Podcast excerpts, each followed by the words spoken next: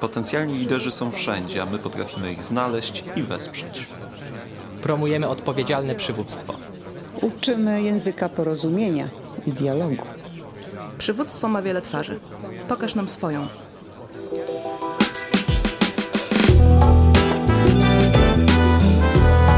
Nasz podcast to miejsce rozmów o liderstwie, wpływie i zmianach, ale także o edukacji.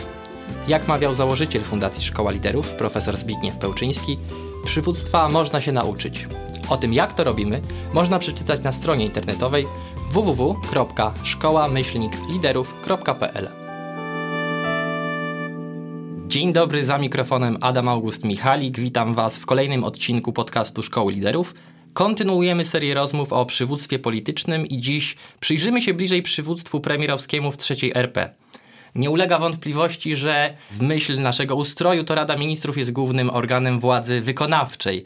Dlatego osoba, która stoi na jej czele, ma największy wpływ na otaczającą nas rzeczywistość. Jednak w naszej historii zdarzało się, iż premier nie był inicjatorem czy kreatorem działań rządu, lecz tylko ich administratorem. Poszukajmy zatem odpowiedzi na pytania, kim jest prezes Rady Ministrów? Szefem wszystkich szefów, czy pionkiem w grze silniejszych i większych od niego? Jakie mamy atrybuty przywództwa premierowskiego oraz jakie wnioski na temat tego przywództwa możemy wyciągnąć po przeanalizowaniu konkretnych przykładów premierów trzeciej RP? O tym wszystkim dziś będę rozmawiał z wybitnym znawcą najnowszej historii politycznej Polski, politologiem i historykiem profesorem Antonim Dudkiem z Uniwersytetu Kardynała Stefana Wyszyńskiego. Zapraszam. Dzień dobry, panie profesorze. Dziękuję, że zgodził się pan wziąć udział w naszej rozmowie. Dzień dobry, witam pana, witam państwa. Bardzo chciałbym, żebyśmy zaczęli tą rozmowę od takiego przedstawienia pozycji ustrojowej, również w myśl konstytucji obecnie obowiązującej. Jaki wpływ te czynniki instytucjonalne mają na przywództwo naszych premierów? Nawet jeżeli teraz będziemy rozmawiać tylko o, o teorii, jak to zaplecze instytucjonalne, jakim jest rząd, administracja rządowa i KPRM, to jakimi one są y, narzędziami w rękach, w rękach premiera?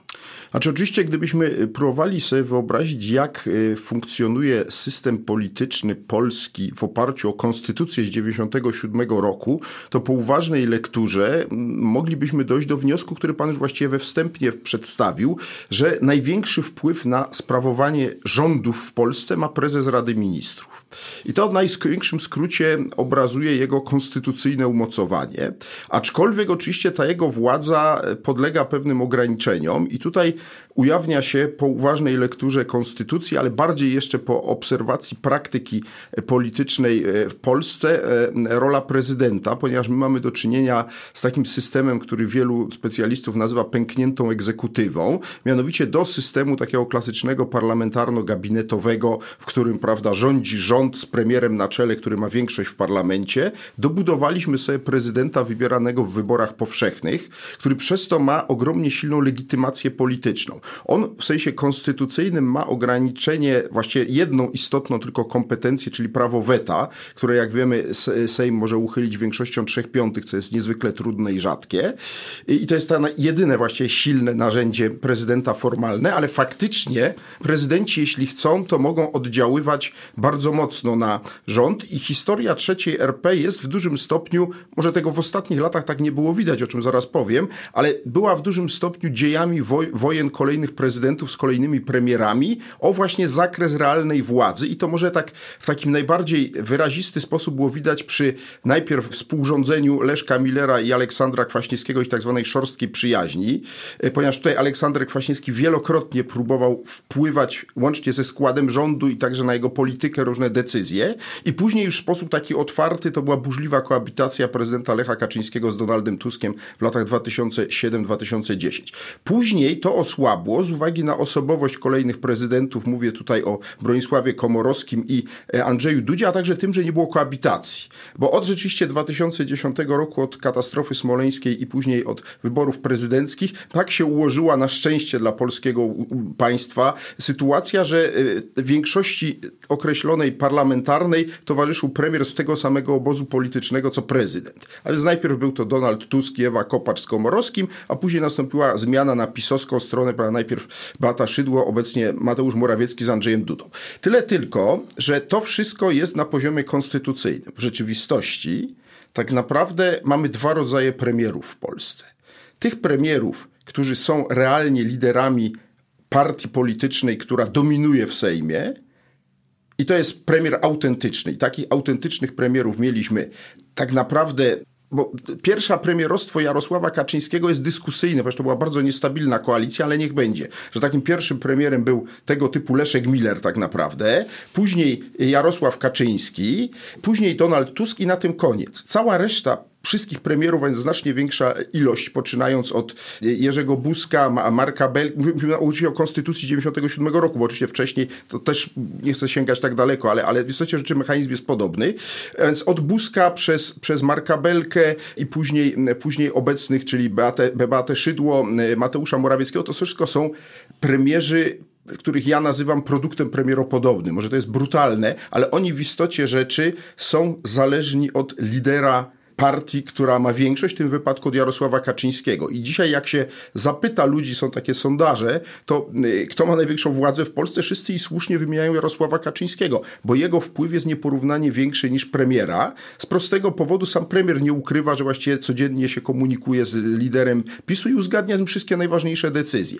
Więc tu trzeba odróżnić jakby literę konstytucji, która nam mówi różne rzeczy, od pewnych realiów, które się ukształtowały, zwłaszcza po, po, po 2005 roku, bo to jest taka ważna cezura, kiedy polską politykę zdominowały dwie partie, Platforma Obywatelska i Prawo i Sprawiedliwość i od tego momentu no, powstały pewnego rodzaju e, pozakonstytucyjne mechanizmy. One się zaczęły już za Tuska, ale Kaczyński je gwałtownie wzmocnił i one powodują, że lektura konstytucji no, yy, w dużym stopniu nie daje nam prawdziwego obrazu e, realiów polskiej polityki. Ale nadal pozycja premiera wydaje się być y, duża przez to, jakie ma. E, Formalnie tak, ale pod warunkiem, że ten premier chce z tych, y, z tych uprawnień samodzielnie korzystać. No i to oczywiście żaden z tych premierów na czele z Mateuszem Morawieckim się nie przyzna do tego, jak to naprawdę wygląda, chociaż on, nawet on czasami niechcący jasno mówi, że to w uzgodnieniu z Jarosławem Kaczyńskim, albo na pytanie, czy Jarosław Kaczyński byłby lepszym premierem od niego, odpowiada tak, Jarosław Kaczyński byłby lepszym premierem ode mnie. No, to jest najlepszy dowód na to, jak on pozycjonuje siebie w stosunku do Jarosława Kaczyńskiego. A zatem oczywiście tak, y, premier ma ogromną władzę, ale pod warunkiem, że chce z tej władzy korzystać. Bo jak nie chce, no to ceduje ją na naprawdę prawdziwego decydenta. I to się zaczęło, mówię, ten model po raz pierwszy to się nazywało modelem kierowania z siedzenia. Tak naprawdę to był tandem Marian Krzaklewski-Jerzy Buzek.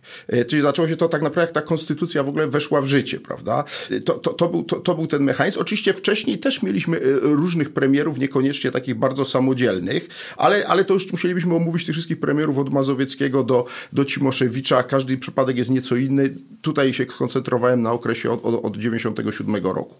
A jednak w ostatnich latach na przykład budżet y, KPRM-u gwałtownie rośnie. Na najbliższy rok to jest już zaplanowane 1,5 miliarda tak. złotych, wzrost o 80%. Wydaje się, że pomimo tego, że ośrodek decyzyjny zdaje się być na Nowogrodzkiej, a nie przy Alejach Ujazdowskich, to premier wzmacnia swoją pozycję. Tak, ma pan rację, ponieważ czas jest zdawać sprawę, że premier podejmuje ogromną ilość decyzji, które e, nie są z punktu widzenia faktycznego premiera, czyli Jarosława Kaczyńskiego, ciekawe. No, na przykład nie sądzę, żeby Jarosława Kaczyńskiego w istotny sposób interesowała cyfryzacja administracji publicznej, a na przykład ten budżet dlatego między innymi tak urósł, że całe dawne Ministerstwo Cyfryzacji zostało wbudowane w kancelarię prezesa Rady Ministrów i tam jest masa urzędników, e, którzy, e, którzy po prostu no, zajmują się cyfryzacją. Kaczyński w ogóle to oddał Morawieckiego, żeby była jasność. Przecież ta ilość spraw, którą ogarnia premier, y, jest nie do przekazania w żadnej rozmowie, nawet dwugodzinnej, telefonicznej, bo premier pracuje po kilkanaście godzin na dobę. W związku z tym tak naprawdę Kaczyński sobie wybrał, i to jest tajemnica Poliszynela, jakie kwestie. Ja mogę się domyśleć, że dwie sprawy absolutnie Kaczyńskiego najbardziej interesują, z tego, które są przez premiera podejmowane i które, które KPRM powstają. Pierwsza to są wszystkie decyzje kadrowe i skąd inąd wiem, że nie tylko w przypadku tych stanowisk, o których obsadzie decyduje premier, ale na przykład także w przypadku tej, tych stanowisk w rodzaju prezesu spółek Skarbu Państwa, o których decyduje minister, minister Sasin, czyli e, dzisiaj to się nazywa Ministerstwo Aktywów Państwowych, wicepremier Sasin. E, skąd inąd wiem, że wszyscy ci kandydaci przed nominacją odbywali wizytę na Nowogrodzkiej i byli tam, że tak powiem, dostawali rodzaj namaszczenia czy zgody na to, żeby później ewentualnie dostać nominację od premiera czy, czy ministra aktywów państwowych na takie czy inne stanowisko. I drugi obszar to jest bardzo ważna e, komórka, która została w czasach PiSu niewyobrażalnie rozbudowana w kancelarii prezesa Rady Ministrów, która się nazywa Departament Analiz Strategicznych, ale chyba się żadną analizami strategicznymi nie zajmuje, tylko to jest gigantyczna komórka badań socjologicznych, gdzie pokaźna grupa zatrudnionych tam ludzi zajmuje się zlecaniem i analizą niezwykle rozbudowanych, szczegółowych badań socjologicznych. I to nie sięga, nie, nie, to nie są takie badania, jak my je znamy tutaj z, z y, mediów, że tam na tysiącosobowej próbie, prawda, ogólnopolskiej to PiS popiera tylu. Nie. To są badania dotyczące poszczególnych regionów, powiatów, a nawet jak mi się chwalił twórca tego, nieżyjący już profesor Paruch, nawet gmin. Oczywiście nie wszystkich w Polsce, tylko tych, które PiS interesują z punktu widzenia wyborczego. To są niezwykle szczegółowe, niezwykle też drogie, żeby była jasność przez swoją szczegółowość badania, ale które pozwalają PiSowi właśnie utrzymać to poparcie społeczne, które ciągle ma. I prezesa interesują wyniki tych badań. No nie wiem, czy sięga do każdej gminy, analizuje badania z poszczególnych gmin, ale już na pewno podejrzewam, że powiaty tak. I to jest drugi obszar y, informacji, które płyną z KPRM-u y, na Nowogrodzką. A nie, prawda, ta cała masa innych rzeczy, które tam są, relacje z Polonią, a to mnóstwo innych rzeczy, które gdzieś tam w KPRM wchłoną, y, bo to, to są rzeczy wtórne. Więc te dwie rzeczy, sprawy kadrowe i kwestie badań opinii społecznej, ale takich regionalnych, bardzo bardzo, bardzo szczegółowych. To są te dwie, dwie, dwie, dwie sfery, które Kaczyńskiego na pewno interesują, jeśli chodzi o premiera, urząd premiera. No właśnie, odróżniając władzę od przywództwa, tutaj widzimy, gdzie te ośrodki są ulokowane, ale czy nie byłoby lepiej albo bezpieczniej, gdybyśmy mieli taki wentyl y, w bezpieczeństwa w postaci tego, że to przywódca partii, która wygrywa wybory, zostaje premierem. No zdecydowanie tak. Ja w ogóle bym nawet szedł w kierunku, choć to byłoby trudne do spisania wprost do konstytucji, ale gdyby to było możliwe, ja bym nawet poszedł w kierunku takiego artykułu w konstytucji. Dlatego, że ja uważam za patologię sytuację, y, którą doprowadził Kaczyński, ale jak mówię, wykreował ją pierwszy Marian Krzaklewski. A mianowicie uważam, że lider partii największej, która tworzy koalicję rządową, powinien być absolutnie premierem że ten dualizm właśnie, e, to, kierowanie z tylniego siedzenia jest fatalne. Nie tylko w kwestii odpowiedzialności za pewne decyzje, ale też kwestii pewnej spójności, e, pewnej, e, pewnej logiki, logiki funkcjonowania systemu. No, no problem w tym, że Jarosław Kaczyński, choć mógłby zostać premierem, nie chce nim zostać z dwóch powodów. Po pierwsze, funkcja premiera, jak już Państwu powiedziałem, wymaga ogromnego rzeczywiście natężenia pracy. Ja kiedyś przeczytałem takie nigdy nieopublikowane wspomnienia z Jerzego Buzka i on tam opisał bardzo detalicznie, jak wygląda dzień premiera i nie sądzę, żeby to się wiele zmieniło. Wierzcie mi Państwo, to jest kilkunastogodzinna potworna charuwa. Od rana wczesnego do późnych godzin wieczornych, dzień w dzień, łącznie z weekendami. Dlaczego? Bo premier ma ogromną ilość funkcji reprezentacyjnych, a więc otwieranie, przywitanie, żegnanie, przecinanie i tak dalej, przy tym okolicznościowe przemówienia. Do tego dochodzą sytuacje nadzwyczajne, gdzie jakieś klęski żywiołowe, katastrofy, gdzie trzeba natychmiast lecieć. Do tego dochodzi kwestia ogromnej ilości bardzo szczegółowych, e, na przykład kwestii związanych z korespondencją oficjalną z różnymi instytucjami, krajowa, zagraniczna i tak dalej. To jest mnóstwo rzeczy, które zajmują ogromną ilość czasu i wymagają ogromnej odporności i kondycji fizycznej. A więc dla prezesa Kaczyńskiego to jest powyżej jego możliwości, co on świetnie już zrozumiał, kiedy był premierem w latach 2006-2007. Więc on woli zajmować się tylko tym, co go interesuje z tego ogromnego tortu władzy, co już wcześniej powiedziałem.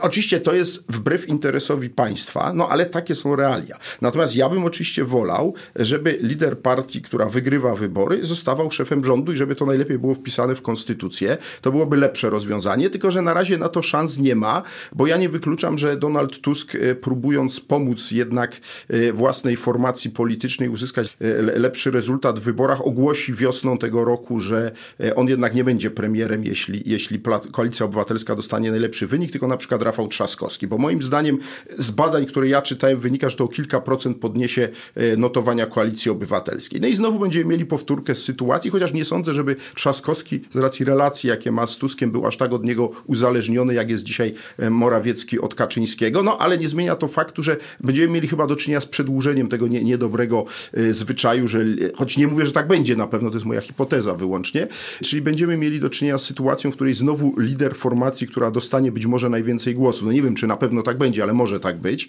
znowu nie będzie premierem. Także mówię, ja bym tu chętnie widział taką zmianę, o którą pan pytał, ale, ale szans na jej przeprowadzenie na razie nie widzę. To dlaczego się tak dzieje, że faktycznie przywódcy polityczni, jak już mówiliśmy Kaczyński, czy wcześniej Krzaklewski, ale też Ilek Wałęsa swojego czasu i Aleksander Kwaśniewski jeszcze przed prezydenturą, nie starali się o urząd premiera, tylko właśnie kierowali gdzie indziej swoje ambicje. Bo ze zasady, jak ktoś chce zostać prezydentem, to nie powinien się pchać na urząd premiera. I to pokazał po raz pierwszy bardzo jasno Aleksander Kwaśniewski, dlatego że Wałęsa jakby, może i rzeczywiście w 1989 roku dlatego już nie chciał być premierem, że, że chciał od razu zostać prezydentem, ale, ale to była sytuacja szczególna, tam była pewna dynamika wydarzeń y, bardzo, bardzo specyficzna. Zresztą Wałęsa w ogóle chyba w tym czasie nie do końca rozróżniał, czym jest, pre, jaką realną władzę władzę ma premier, jaką prezydent, jak się później zorientował, to po wyborach w 91 roku, kiedy był już urzędującym prezydentem, e, przez pewien czas proponował, żeby on też został premierem. To znaczy chciał połączyć, być i prezydentem, i premierem. Dopiero opór Sejmu e, wybornego w wyborach w 91 sprawił, że, że, że się ten wariant nie, nie udało mu go zrealizować. Natomiast Kwaśniewski zrozumiał, że bycie premierem potężnie zużywa politycznie i bardzo później trudno jest mieć taką popularność, żeby wygrać powszechne wybory prezydenckie. I to się zobaczymy, bo niektórzy mówią, że, że może Mateusz Morawiecki będzie kandydatem PiSu w wyborach prezydenckich w 2025 roku. Szczerze w to wątpię właśnie z tego powodu zużycia się go jako e, premiera. Choć oczywiście można powiedzieć, że będzie to kilka lat być może po tym, jak już nie będzie premierem, że to po jakimś czasie jest już mniej, mniej, e, mniej te, ta niechęć. No ale ja, bo tutaj kazus Jerzego Buzka. No, Jerzy Buzek odchodził z funkcji premiera z bardzo niskimi notowaniami społecznymi, ale później e, dostał rekordowy wynik w kilka lat później do wyborach do Parlamentu Europejskiego, rekordowo wysoki. Więc y, można powiedzieć, że trochę mu to odpuszczono, no ale na prezydenta nigdy nie kandydował. Czyli najkrócej mówiąc, moja odpowiedź na to pana pytanie jest taka. Bycie premierem powoduje, że człowiek, który pełni tą funkcję, zużywa się politycznie, traci na popularności i później ciężko mu, powstaje mu elektorat negatywny. To jest zresztą kazus Donalda Tuska. Może to jest dobry przykład. Donald Tusk był przez 7 lat premierem, po czym w 2020 e, roku, czy właściwie 19, w końcu 19, były ogromne spekulacje już po jego powrocie do polskiej polityki. Właściwie kończył się już ten okres jego brukselskiej wyprawy, e, e, czy będzie kandydował na urząd prezydenta. I w pewnym momencie Tusk wystąpił na konferencji i powiedział, on tego nie powiedział dosłownie tak jak ja to teraz powiem, ale wy, wy, wy, wymowa tego była taka. Zrobiliśmy bardzo pogłębione badania socjologiczne, okazało się, że mam ogromny elektorat negatywny, w związku z tym nie będę kandydował do urzędu prezydenta. On to powiedział bardziej okrągło inaczej, ale sens tego był właśnie taki. I to zresztą się do dziś utrzymuje, ten ogromny elektorat negatywny. Odrębną sprawą jest, z czego on wynika, bo tu można różne czynniki wskazywać, ale to nie jest wyłącznie propaganda pisowska i a, przeciwko Tuskowi. E, e, Tusk ma też sam zasłużył sobie na ten, częściowo na ten elektorat negatywny. W związku z tym y, on jest problemem dla właśnie każdego byłego premiera, żeby się ubiegać o urząd prezydenta. Więc ci, którzy myślą o prezydenturze, omijają urząd premiera raczej, no i na razie nie mieliśmy żadnego prezydenta, który byłby wcześniej premierem i chyba nie będziemy mieli, ale tu oczywiście mogę się mylić. Wspomniał Pan o negatywnym elektoracie Donalda Tuska i ja chciałbym to połączyć z rankingiem na najlepszych premierów, jaki często mm, sąduje się wśród wyborców i wśród Polaków. I tutaj Donald Tusk wygrywa. Tak. I bardzo często za, za, tuż za nim jest Tadeusz Mazowiecki, to też nie dziwi z powodu historycznego momentu. No ale potem pojawia się nam postać Jana Olszewskiego na trzecim miejscu, bardzo wysoko, najkrótszy urzędujący premier w trzeciej RP rządu mniejszościowego, który nie potrafił tej koalicji rozszerzyć. Skąd ten wynik?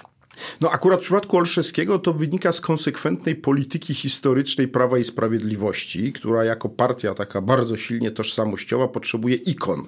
No i można powiedzieć, że główną ikoną jest Lech Kaczyński, ale drugim, drugą taką ikoną PiSu, legendarną postacią, oboganny Walentynowicz, że egzekwo na drugim miejscu jest, jest, właśnie, jest właśnie Jan Olszewski.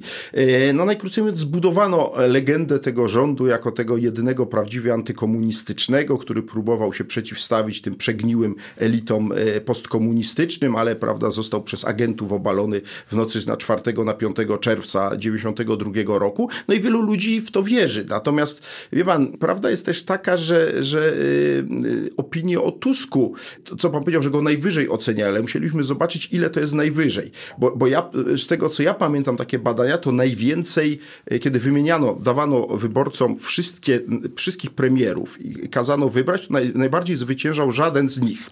Odpowiedź nie wiem, na przykład w sondażu dla Rzeczpospolitej z 2018 roku to jest 30%, tutaj Tusk 14,5%. A właśnie, i to widzi pan, i to pokazuje, to prawda, że 14% daje Tuskowi pierwsze miejsce. Widziałem inne badania, gdzie lepszy był Mazowiecki, ale oni rzeczywiście wyraźnie byli przed tą całą resztą. Ale jakie to są liczby? To jest właśnie kilkanaście procent, a cała reszta uważa innych, bądź, bądź żadnego z nich za dobrego premiera. No to jak tu startować w wyborach prezydenckich, gdzie w drugiej turze trzeba mieć ponad połowę wszystkich głosów, prawda? Na tym właśnie polega problem. Bycie premierem zużywa potężnie, ponieważ ludzie słusznie, a często niesłusznie obciążają premiera odpowiedzialnością za wszystko, co się w tamtym okresie, a często nawet w sąsiednich okresach działo. I stąd na przykład powiedzmy Mazowiecki ma ogromny elektorat negatywny z powodu planu Balcerowicza, ale na przykład jak się zaczyna dociekać o co chodzi z tym planem Balcerowicza, to mówią ludzie na przykład o złodziejskiej prywatyzacji. Problem w tym, że rząd Mazowieckiego digo,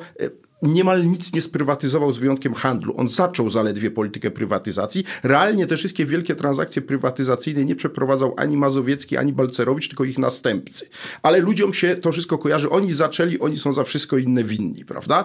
I, i to jest ten mechanizm, prawda, kojarzenia pewnych wydarzeń niekoniecznie z danym premierem, ale to pokazuje, że jego hipoteka jest tak często mocno obciążana różnymi, różnymi działaniami. A często jest tak, że, że premier ma jedną, jedną wypowiedź, o której ludzie tylko pamiętają. Tu najlepszy jest kazus Cimoszewicza i słynnej wypowiedzi po powodzi tysiąclecia z 97 roku, że trzeba się, trzeba się było ubezpieczać. I właściwie jedyne, co ludzie pamiętają z premierostwa ponadrocznego Cimoszewicza, to jest to.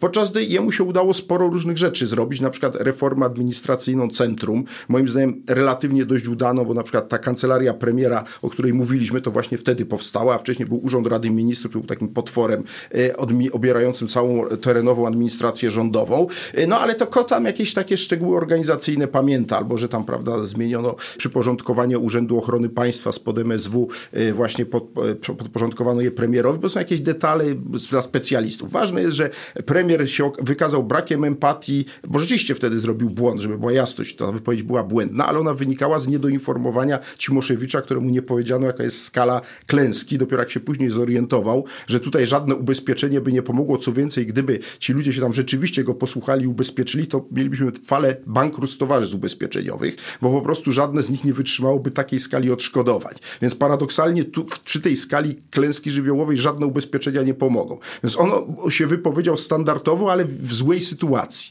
No ale to przy nim zostało. I tak jest z wieloma innymi politykami, że w funkcjach premiera, no, że zostaje przy nich jedna konkretna decyzja, czy jedna konkretna wypowiedź, cała reszta gdzieś ginie w pomrokach dziejów i, i co najwyżej specjaliści o nich pamiętają faktycznie mieliśmy wielu premierów i w większości pamiętamy tylko poszczególne wydarzenia, ale ci premierzy też różnią się stylami zarządzania, stylami przywództwa. Mamy premierów, którzy charakteryzowało takie bardziej miękkie czy konsolidacyjne przywództwo. Pewnie można tu wymienić chociażby Jana Krzysztofa Bieleckiego, choć nie był przywódcą politycznym swojego zaplecza parlamentarnego. I mamy też takie twarde, to o którym rozmawialiśmy, Leszek Miller, Kaczyński, Tusk, które z nich jest pewnie bardziej skuteczne, o to chcę zapytać, i które a być może które się Polakom bardziej podoba, bo jednak głosujemy za tymi wyraźnymi Wie pan, y, ja powiem tak, no, to, wszystko zależy od kontekstu sytuacji. Na pewno lepiej zapamiętamy i na pewno bardziej do historii przechodzą ci twardzi premierzy, będący realnymi liderami. Stąd też tych trzech, których pan wymieniał, czyli Miller, y, Kwaśnie, y, Miller, przepraszam, Kaczyński i Tusk będą na pewno bardziej pamiętani i obecni w historii od na przykład takiego Kazimierza Marcinkiewicza, który był takim epizodycznym premierem, ale paradoksalnie jest to jedyny premier w dziejach trzeciej RP, który kończył swoje urzędowanie z wyższymi ocenami pozytywnymi opinii publicznej niż je zaczynał. Jak to się stało? No w momencie, jak został premierem e, w 2005 roku, po niedojściu do koalicji popisu do, do, do, do, do, do, do skutku, premierem rządu mniejszościowego, był kompletnie nieznany opinii publicznej, w związku z tym nie miał specjalnie dużo no, nocowań negatywnych. A ponieważ później się skoncentrował na, powiedziałbym, takim bardzo umiejętnym PR-ze, co zresztą przyczyniło się do jego upadku, bo bracia Kaczyńscy uznali, że jest zbyt popularny i może zagrozić kontroli nad partią, więc postanowili go usunąć. Tam przecież Lech Kaczyński uważał, że jest niesprawiedliwością, żeby jego brat Jarosław nie został premierem, więc kiedy się udało sklecić koalicję z Ligą i Samoobroną, Marcinkiewicz został pożegnany po niespełna roku sprawowania funkcji, ale kończył właśnie jako, prawda, e, powiedziałbym, e, niezwykle popularny premier, ale dlaczego? Bo on był też pierwszym premierem, który rzeczywiście miał fachowców od PR-u i zrozumiał, że przy tym wszystkim, przy ogromnym ilości pracy, premier musi być też dostarczycielem, powiedziałbym, pewnego, pe, pewnych takich prostych przekazów emocjo, pozytywnie emocjonalnych, które w braci Kaczyńskich, to zresztą można przeczytać w wywiadzie Rzece ostatnim, który Lech Kaczyński udzielił przed śmiercią, mówi, jak to otwierały mu się oczy i z niedowierzaniem patrzył, jak premier e, Marcinkiewicz tańczy na balu maturalnym w Gorzowie, jak tam, prawda, odgrywa z telefonu Mazurka Chopina e, w Pałacu Łazienkowskim, jak to lepi bałwana gdzieś tam, prawda, na jakimś stoku narciarskim, bo zdaniem Lecha Kaczyńskiego premierowi nie przystoją takie zachowania. Tymczasem właśnie one były fundamentem tej popularności rosnącej Marcinkiewicza, bo premier musi robić także takie rzeczy. Choć to się nam wydaje absurdalne, no ale niestety wielu ludzi oczekuje, że premier przy tym wszystkim nie będzie tylko takim zapatrzonym w sprawy państwa technokratą, ale też będzie pokazywał swoją ludzką twarz. No, tego, tego ludzie oczekują. Niewielu premierów to zresztą potrafi robić. Na przykład Morawiecki kompletnie tego nie potrafi, to jest jego problem, e, który się w pełni ujawni, gdy próbował kandydować w wyborach, wyborach prezydenckich. Natomiast, natomiast są inni, którym to lepiej wychodziło i tu Tusk niewątpliwie był bardzo, bardzo udany. Tuskowi się to udawało. W wielu przypadkach właśnie zyskiwał o, e, społeczne e, sympatie właśnie takimi swoimi zachowaniami, prawda, niekonwencjonalnymi no nie lepił bałwana, ale zdarzyło mu się jeździć na nartach, czego nie ukrywał i tak dalej, i tak dalej. Więc y, y, y, to, o, o tym mówię.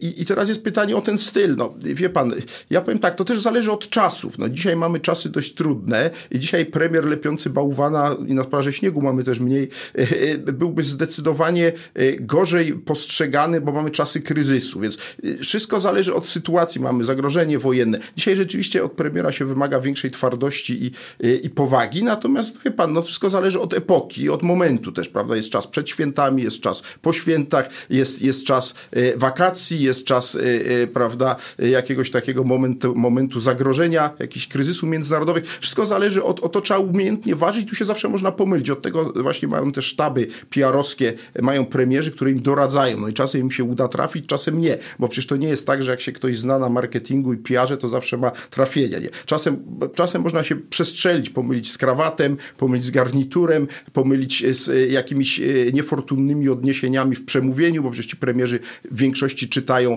przemówienia, które im e, ktoś pisze. Jak mówią i próbują improwizować, tak jak Morawiecki, to się różnie kończy, bo generalnie premier powinien być ostrożny. Nie jest dobre dla premiera, jak jest zbyt dużym gadułą generalnie. A na przykład Morawiecki ma skłonność do gadulstwa i moim zdaniem to się już na nim mści i będzie mściło teraz coraz bardziej.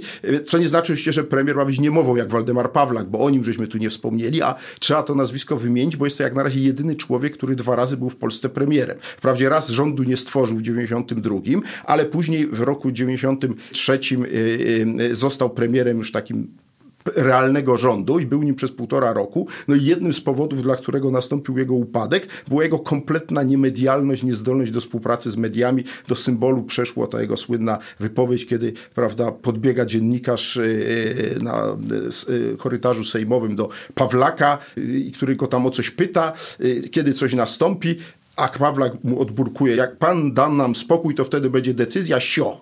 E, No i to słynne sio Pawlaka przeszło do historii jako symbol takiej gburowatości politycznej. E, No i rzeczywiście pokazało, że ta małomówność i taka niechęć do mediów też oczywiście jest jeszcze gorsza niż gadatliwość.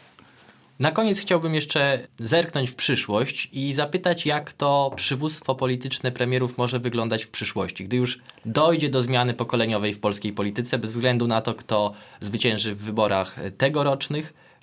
Kiedy do władzy dojdzie pokolenie obecnych 40 czy 50 latków. Myślę tutaj o liderkach lewicy, wspomnianym już Rafale Trzaskowskim czy Władysławie Kosiniaku-Kamyszu.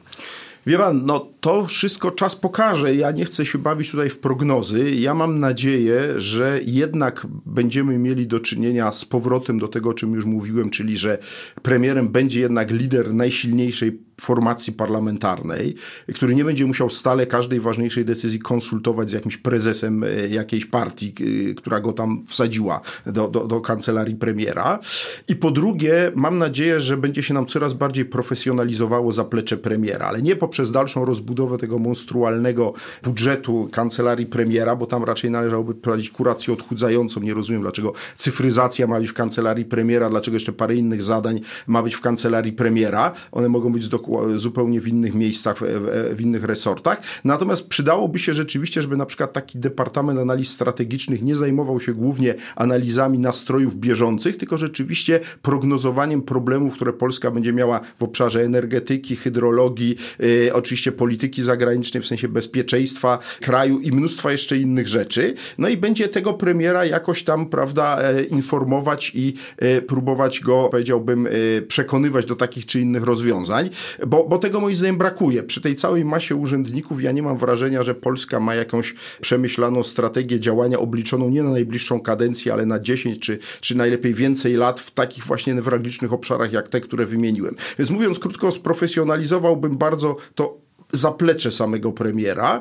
No a sam premier, no to, to jak mówimy, to jest kwestia osobowości. Mnie by zależało tylko, jak mówię, żeby on był autentycznym premierem, nie musiał. Oczywiście premier rządu koalicyjnego zawsze się musi liczyć z tym, co koalicjanci powiedzą, ale też ważne jest, żeby on miał poczucie, że przynajmniej ma za sobą istotną część posłów, bo jego partia jest najsilniejsza w Sejmie. Podczas gdy ja nie mam takiego poczucia, że Mateusz Morawiecki ma przekonanie, że, te, że tych ponad 200 posłów PiSu za nim stoi. No może kilkunastu, ale tego, tego się być może kiedyś dowiemy, ale na razie tego nie wiemy, natomiast na pewno większość klubu PiSu nie stoi murem za premierem Morawieckim, tylko za jego zwierzchnikiem, czyli prezesem Kaczyńskim. To nie jest zdrowy układ.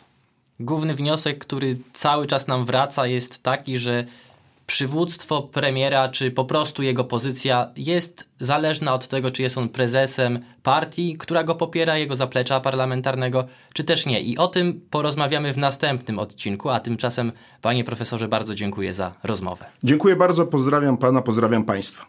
Jeśli podobała Wam się ta rozmowa, to zachęcam do wysłuchania innych odcinków, ale również odwiedzenia kanału profesora Antoniego Dudka na YouTubie pod tytułem Dudek o historii.